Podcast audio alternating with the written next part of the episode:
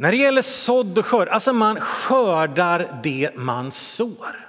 Man skördar av samma slag av det man sår. Det ser inte precis likadant ut, men man skördar det man sår, liknande liksom frukt. Man skördar mer än vad man sår.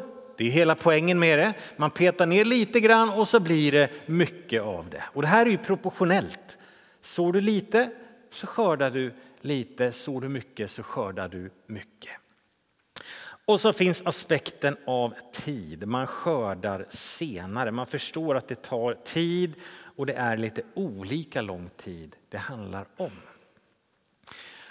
Och på ett sätt, varje gång du sår, du planterar någonting så är det en handling i tro.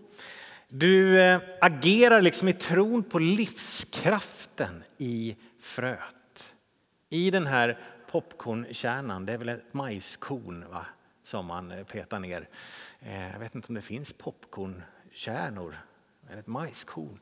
Man tror att det finns en inneboende kraft i det här fröet. Och en del frön är ju så små.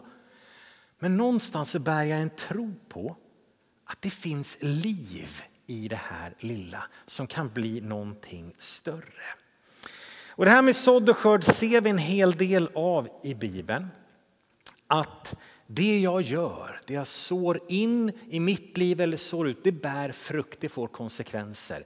Ordspråksboken, nästan hela boken handlar om det liksom för mitt liv. Eh, att vara vis förståndig i hur jag på något sätt planterar, sår omkring mig, för det kommer att bära frukt i mitt liv. Men också på många andra sätt i Bibeln läser vi om detta. I eh, Nya Testamentet, Matteus 13 är ett sånt här kapitel som handlar om Guds rike där Jesus ger en mängd liknelser om vad Guds rike är för något. Och där finns det några texter om sådd och skörd vi ska läsa. Vers 37 säger så här, den som sår är Människosonen. Den som sår den goda säden är Människosonen. Så utgångspunkten är detta. Och vi läser från Matteus 13. En såningsman gick ut för att så. När han sådde föll en del vid vägen och fåglarna kom och åt upp det. En del föll på stenig mark där det inte hade mycket mylla och det kom upp snabbt eftersom det inte hade djup jord. När solen steg sveddes det och eftersom det saknade rot vissnade det bort. En del föll bland tistlar och tistlarna sköt upp och kvävde det. Men en del föll i god jord och gav skörd hundrafalt, sextiofalt och trettiofalt. Det är en ganska allvarlig text åt båda hållen. Både vad som händer med en viss typ av sådd men också vad som kan hända på ett annat sätt. Så åt båda hållen så är det en ganska allvarlig text. Jesus sår ut sådden om riket, evangeliet, orden om vem Jesus är, vad han har gjort och vad det betyder för våra liv. Lärjungarna sen tar ju liksom vid och fortsätter och sår ut samma säd. Och du och jag står ju på något sätt i deras fotsteg också. Och all form av kristet liv som sträcker sig ut är att så ut samma säd om vem Jesus är, vad han har gjort. Och vi ser ju i evangelierna redan där hur människor reagerar och tar emot det här olika och som vi också ser i den här liknelsen. För några verser senare så förklarar Jesus vad han menar. För lärjungarna är så här, Jesus vad, vad menar du? Så där. Han, det är ganska ofta som lärjungarna är lite förvirrade över Jesu undervisning och han behöver förklara. Och han säger att en del, och vi ser att en del människor, de kommer slå ifrån sig det här på en gång. Inte intresserade, nej tack. Det, liksom, det landar ingenstans.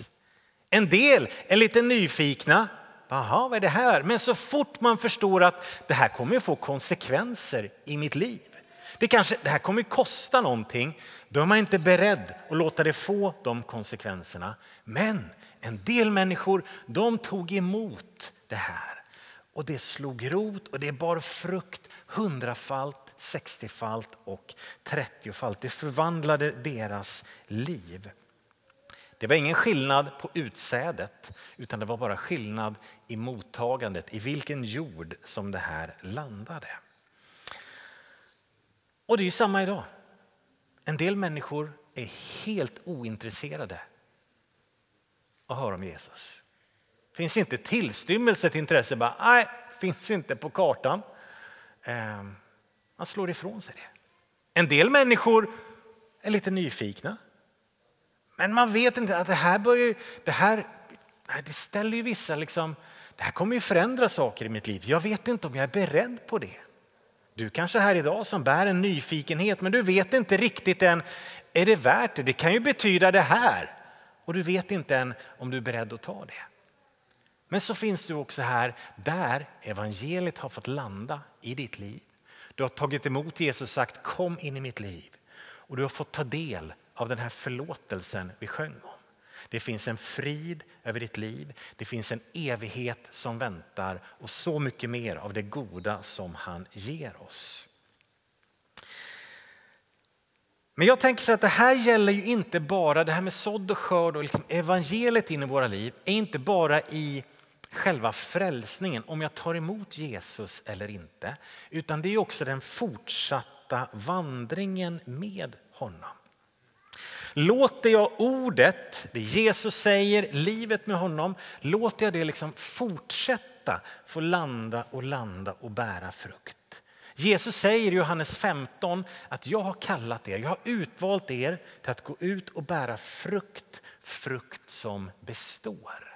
Det är inte bara en engångsplanta utan eh, Visst är det perenna växter som bara återkommer år efter år. Det är livet med Jesus. Ja, lite stjärna i kanten, jag kan lite grann i alla fall. Det är livet med Jesus, någon slags bara ständigt återkommande. Sen är ju grejen att han fortsätter och sår in. Vi behöver låta hans ord få sås in i våra liv. Och det växer och det växer. Så vandringen med honom liksom lever i den här rytmen också. Jag tänker så här. Jag tror att det är så här att för de flesta människor i våran kyrka, av vi som är här, för de flesta människor kanske överlag i den kristna kyrkan så är det inte de, vad ska vi säga, de grova, stora, svåra synderna som är det största bekymret. För en del av de där som vi tänker kanske lite så här, åh vilka hemska synder, de är på ett sätt ganska lätta att hålla ifrån sig. Men det finns någonting annat och som Jesus talar om i den här texten. Det står om tist Ta nästa vers, Fredrik. 13.22. Det som såddes bland tistlar är den som hör ordet, men världsliga bekymmer och bedräglig rikedom kväver ordet så att det blir utan frukt. Världsliga bekymmer och bedräglig rikedom kväver frukten i mitt liv. Hur ser det ut i mitt hjärtas jordmån? Hur landar evangeliets utsäde? Landar det i god jord så att det bär frukt eller är det lite tistlar i Jörgens hjärta? Där världsliga bekymmer och bedräglig rikedom kväver ordet. Här tror jag att de flesta av oss brottas mest. Finns det någonting som jag kan göra i mitt liv? Finns det stenbumlingar som jag kan bryta bort för att ordet ska få landa och bära frukt i mitt liv? Hur mycket av liksom, livets bekymmer blir som tistlar i mitt liv? Som kväver frukten. När jag läste de här texterna så blev jag påmind om Maria, Jesu mor. När ängeln kommer till henne och berättar vad som ska ske. Jo du Maria, det ska bli så här. Och Maria bara, ah! För det första fattar jag ingenting, det passar inte, det går inte och det förstör ju hela planen. Här kan vi prata om liksom lite bekymmer. Det, vad ska människor säga? Det här går... Det här.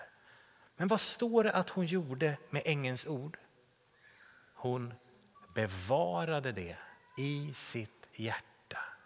Hon lät det få landa i sig. Hon tog emot det även när hon inte förstod, även när det krockade med allting omkring och inte passade in. Det fanns så mycket annat som liksom stod, sa emot det här.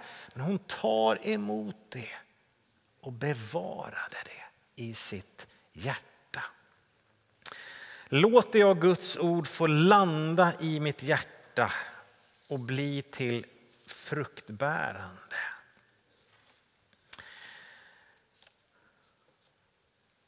En annan text om sådd och skörd från Markus 26. Jesus sa Guds rike är som när en man sår säd i jorden. Han sover, han stiger upp, natt blir dag och säden växer och skjuter i höjden. Han vet inte hur. Av sig själv ger jorden gröda, först strå, sedan ax och sedan moget vete i axet. Och när grödan är mogen låter han genast skäran gå för skördetiden är inne. Det är som Pernilla säger, hon stoppar ner någonting i jorden på hösten och sen på våren så har det hänt någonting. Det är ju jättemärkligt. Hur funkar det? Hur kan det vara så? Det finns en inneboende växtkraft i de här fröna. Och Jesus säger att det är så med Guds rike. Det är så med Guds ord som sås in i våra liv. Det finns en inneboende kraft i det. Det finns så många berättelser om människor som har mött evangeliet liksom vid en punkt i livet. Fick ett exempel förra söndagen när Niklas läste från eh, Goda Nyheters tidning. En som plockade upp en bibel, liksom det hände någonting. Sen gick det många, många år innan det var dags. Då på något sätt hade evangeliet landat, växt till och sen när det kom ett nytt möte, där hände någonting. Hur många är inte de berättelserna? Pernilla och jag var på en studieresa i Grekland här för ett par veckor sedan. Där vi fick följa Paulus fotspår. Och eh, vid ett av de här ställena dit Paulus kommer till först, i Filippi, där möter han en eh, affärskvinna, Lydia. De befriar en, en slavflicka från en ond ande och på grund av det blir de slängda i fängelse och där kommer de nära fångvaktaren. Och de här tre, den här kvinnan, slavflickan och fångvaktaren, på ett sätt ganska obetydliga människor i sin kultur, kan vi säga, det är de första som blir del av församlingen i Filippi. Och vi stod där vid den platsen där Lydia blev döpt. Troligtvis fångvaktaren, troligtvis den här slavflickan också. Vi fick stå vid den platsen, vid de vattnen där de döptes. 2000 år senare. Och någonstans börjar veta att vi är en frukt av det som såddes där i deras liv. Och om du tänker på ditt liv, vilka har gått före dig? Vilka har bett för dig? Vilka har visat någonting av Guds tro för dig som har fångat? Föräldrar, far och morföräldrar tidigare, vilka har gått före? Det finns en inneboende kraft i evangeliet som förs vidare. Låt ordets frön, låt evangeliet få landa i god jord i ditt liv. I mottaglig jord. Där jag försöker hålla undan tistlarna så gott det går. När jag känner att ja, men nu blir jag så upptagen av det här. Det här tar så mycket på sätt, av mitt hjärta hjärta, av min tid, av min fokusering kan jag på något sätt få lägga undan det så att det istället får landa gott i mitt hjärta istället. Så kommer det att bära frukt. Gud i dig, Jesus i dig som Pernilla läste i början. Det är vårt hopp.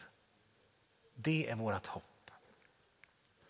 För livet med Jesus, det är inte att försöka pressa fram. Och nu ska jag försöka leva som kristen också. Så bara, tar man i och så försöker man göra allt det man tror man ska. Nej, så funkar det inte med frukt. Så funkar det inte med planter, utan det finns en inneboende kraft att när det får landa i god jord, i ett öppet hjärta, så kommer det att hända någonting.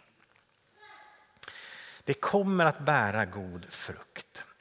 Och vad är då den här frukten? Vad, vad innebär det? Varför är det så viktigt att evangeliet får landa i mitt liv och det bär god frukt liksom i mig. Jag får del av friden, glädjen, kraften och allt det här som är av Jesus. Varför? Jo, för att det som är i mitt liv, det är ju fröna som jag kommer så omkring mig i nästa steg. För jag kommer ju producera frukt av det som sås in i mitt liv och det i sin tur blir frön som planteras vidare. Varför? För att man skördar det man sår. Och det som då sått i mitt liv, jag skördar det och det blir liksom det som sås vidare. Och jag tänker så här, jag vill så tro istället för tvivel omkring mig. Jag vill tala tro på Gud istället för tvivel på Gud till människor. Det finns en del människor som bara fastnar i alla frågor, alltid och alla omöjligheter och tvivel.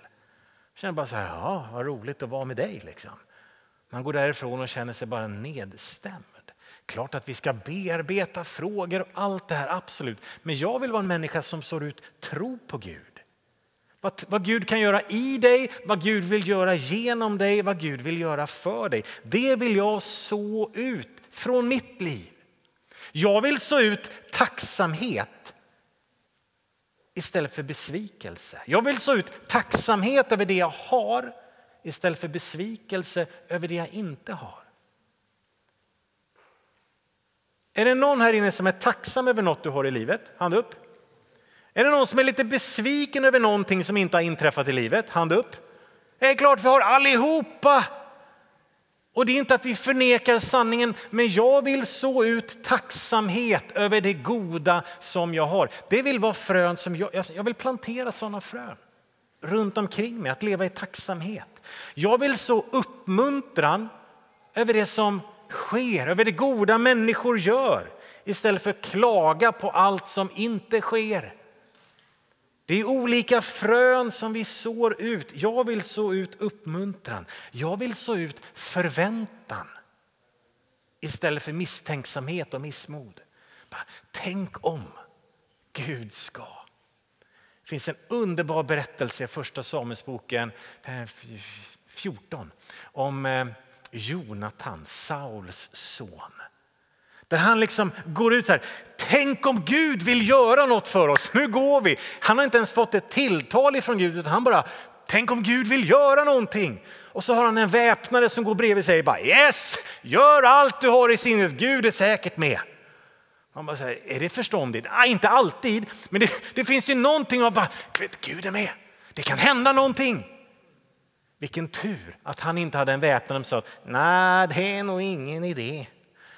Jag har försökt en gång förut och det gick inte, så det går nog inte nu heller. Nej, ursäkta.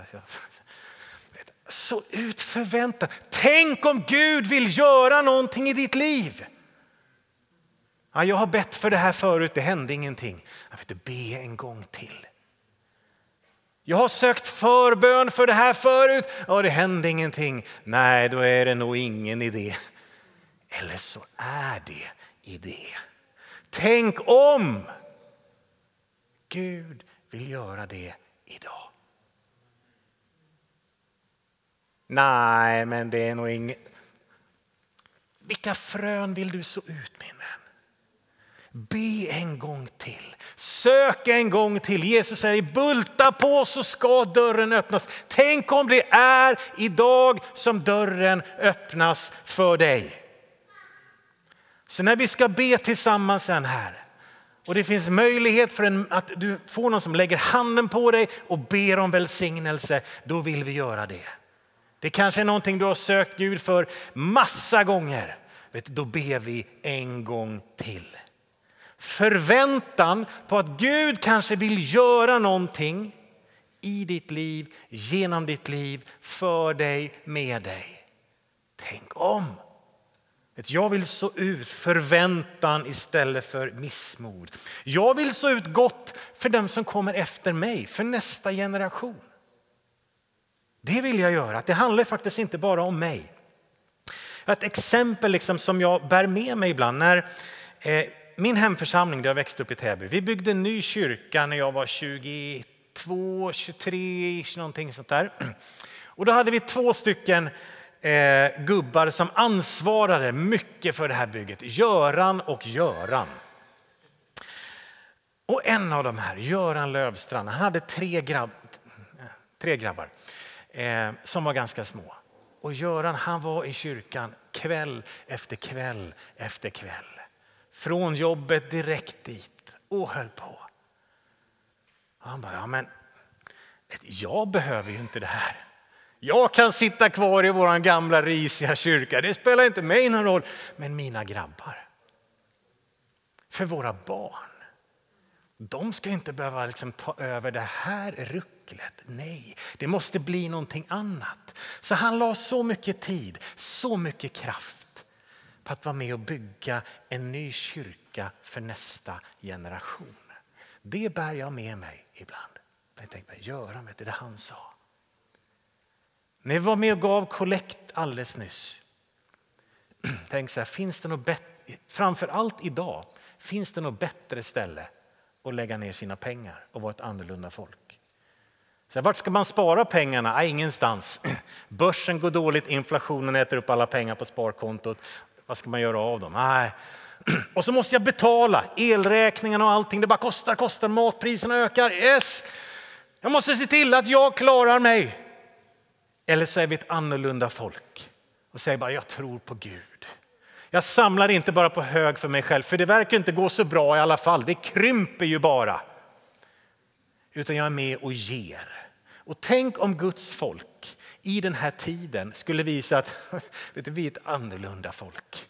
Folk må skratta åt oss, men vet du, den här tiden när människor bara är oroliga för hur ska det gå, hur ska det gå med jag, med mitt, så ger vi som aldrig förr. Varför? För det handlar inte bara om mig utan det handlar också om nästa generation. Så kära vän, du som tycker att det är lite läskigt att vara med och ge, vet du, ge lite till.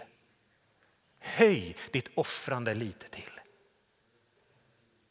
Ge lite till. Om du inte har hittat in i tiondegivandets välsignelse, pröva. Gud säger pröva mig nu i detta.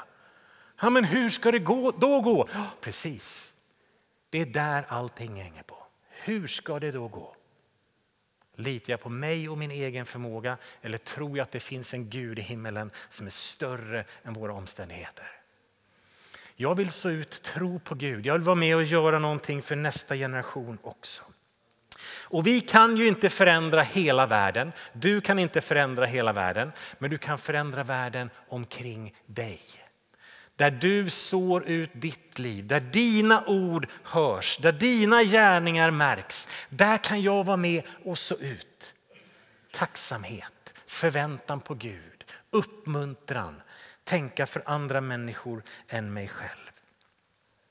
Varför? För jag längtar efter frukten, efter Guds rikes frukt i mitt liv, genom mitt liv. Och jag tror att det finns en inneboende kraft i evangeliet så att det kommer hända någonting. Jag ska landa i en bibeltext som visar där fröet har burit frukt och hur viktigt det är vad jag sår in i mitt liv för det får konsekvenser. Ifrån Lukas 6, 44. Varje träd känns igen på sin frukt. Man plockar väl inte fikon från tistlar eller vindruvor från törnbuskar. En god människa bär fram det som är gott ur sitt hjärtas goda förråd. Och en ond människa bär fram det som är ont ur sitt hjärtas onda förråd. Vad hjärtat är fullt av, det talar munnen.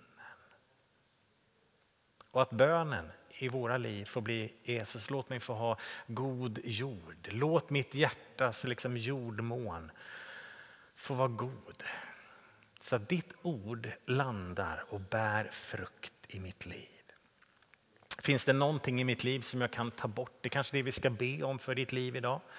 Att du har den, någon stenbumling som behöver bort. Du har någon tistel som liksom skäl för mycket kraft. Jag behöver bli fri från den här tisten, de här bekymren och den här oron som tar över. Att bönen får vara att Guds ord, Guds rike får landa, slå rot och bära god, god frukt. För att den frukten i sin tur blir ju det som jag sår ut omkring mig. Och på så sätt växer Guds rike vidare. Från de ord som träffade Lydia, en slavflicka och en fångvaktare och som har gått vidare i generationer. Och därför sitter du och jag här idag bland annat.